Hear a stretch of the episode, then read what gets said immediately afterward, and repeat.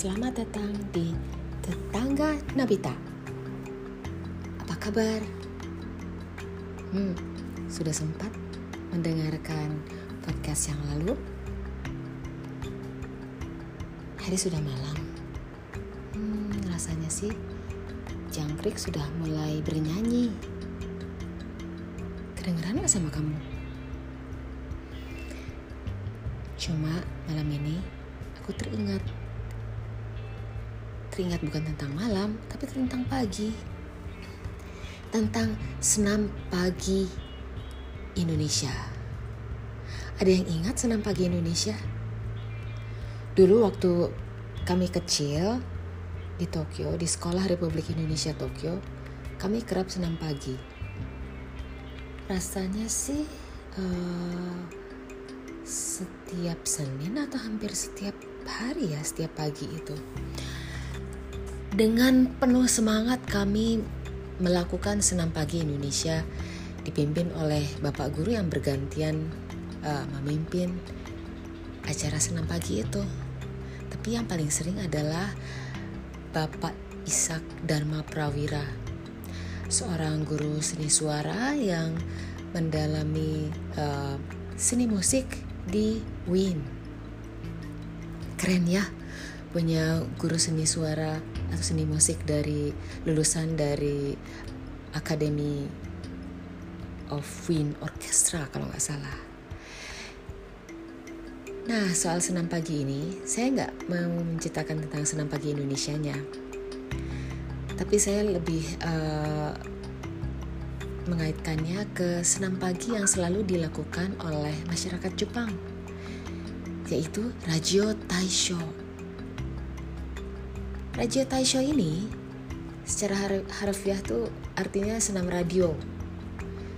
Merupakan jenis senam pernafasan yang populer di Jepang sejak tahun 1928 loh.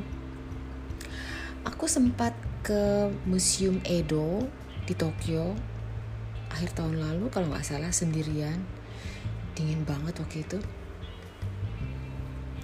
uh, di sana ada banyak uh, peninggalan peninggalan dari masa peperangan Jepang dan sebelum peperangan di Jepang sebelum perang dunia di Jepang ya terus di sana itu ada rekaman dari Radio Taisho pertama di mana uh, penyiarnya itu begitu bersemangat mengumumkan kepada seluruh warga untuk bersenam dulu sebelum melakukan kegiatan apa pun.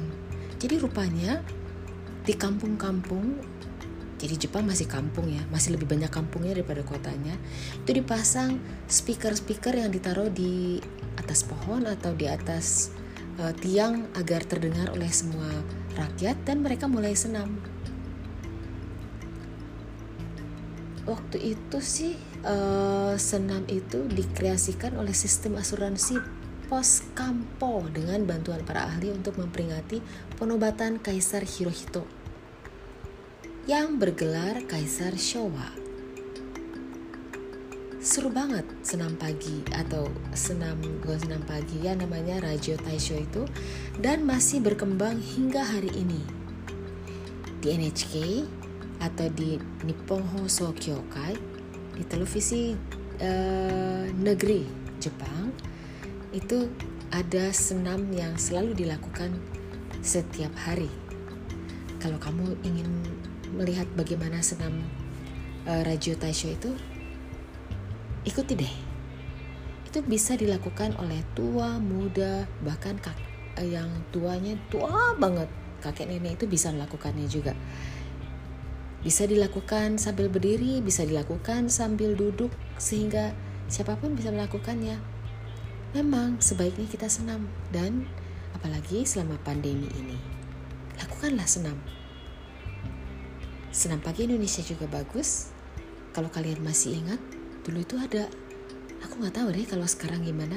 Mungkin sekarang tuh lebih banyak ya, jenisnya lebih poco-poco atau segala macam tapi senam yang uh, mirip dengan senam pagi Indonesia di masa lalu itu uh, saat ini masih dilakukan loh di Jepang.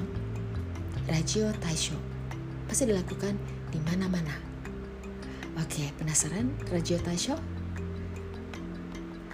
Hmm, mau lihat contohnya salah satunya diperagakan oleh ibu saya yang sudah berusia 81 tahun melalui Instagram saya di uh, eh, IGTV Tetangga Nobita. Silahkan lihat IGTV Tetangga Nobita. Uh, ada di episode Radio Tasho.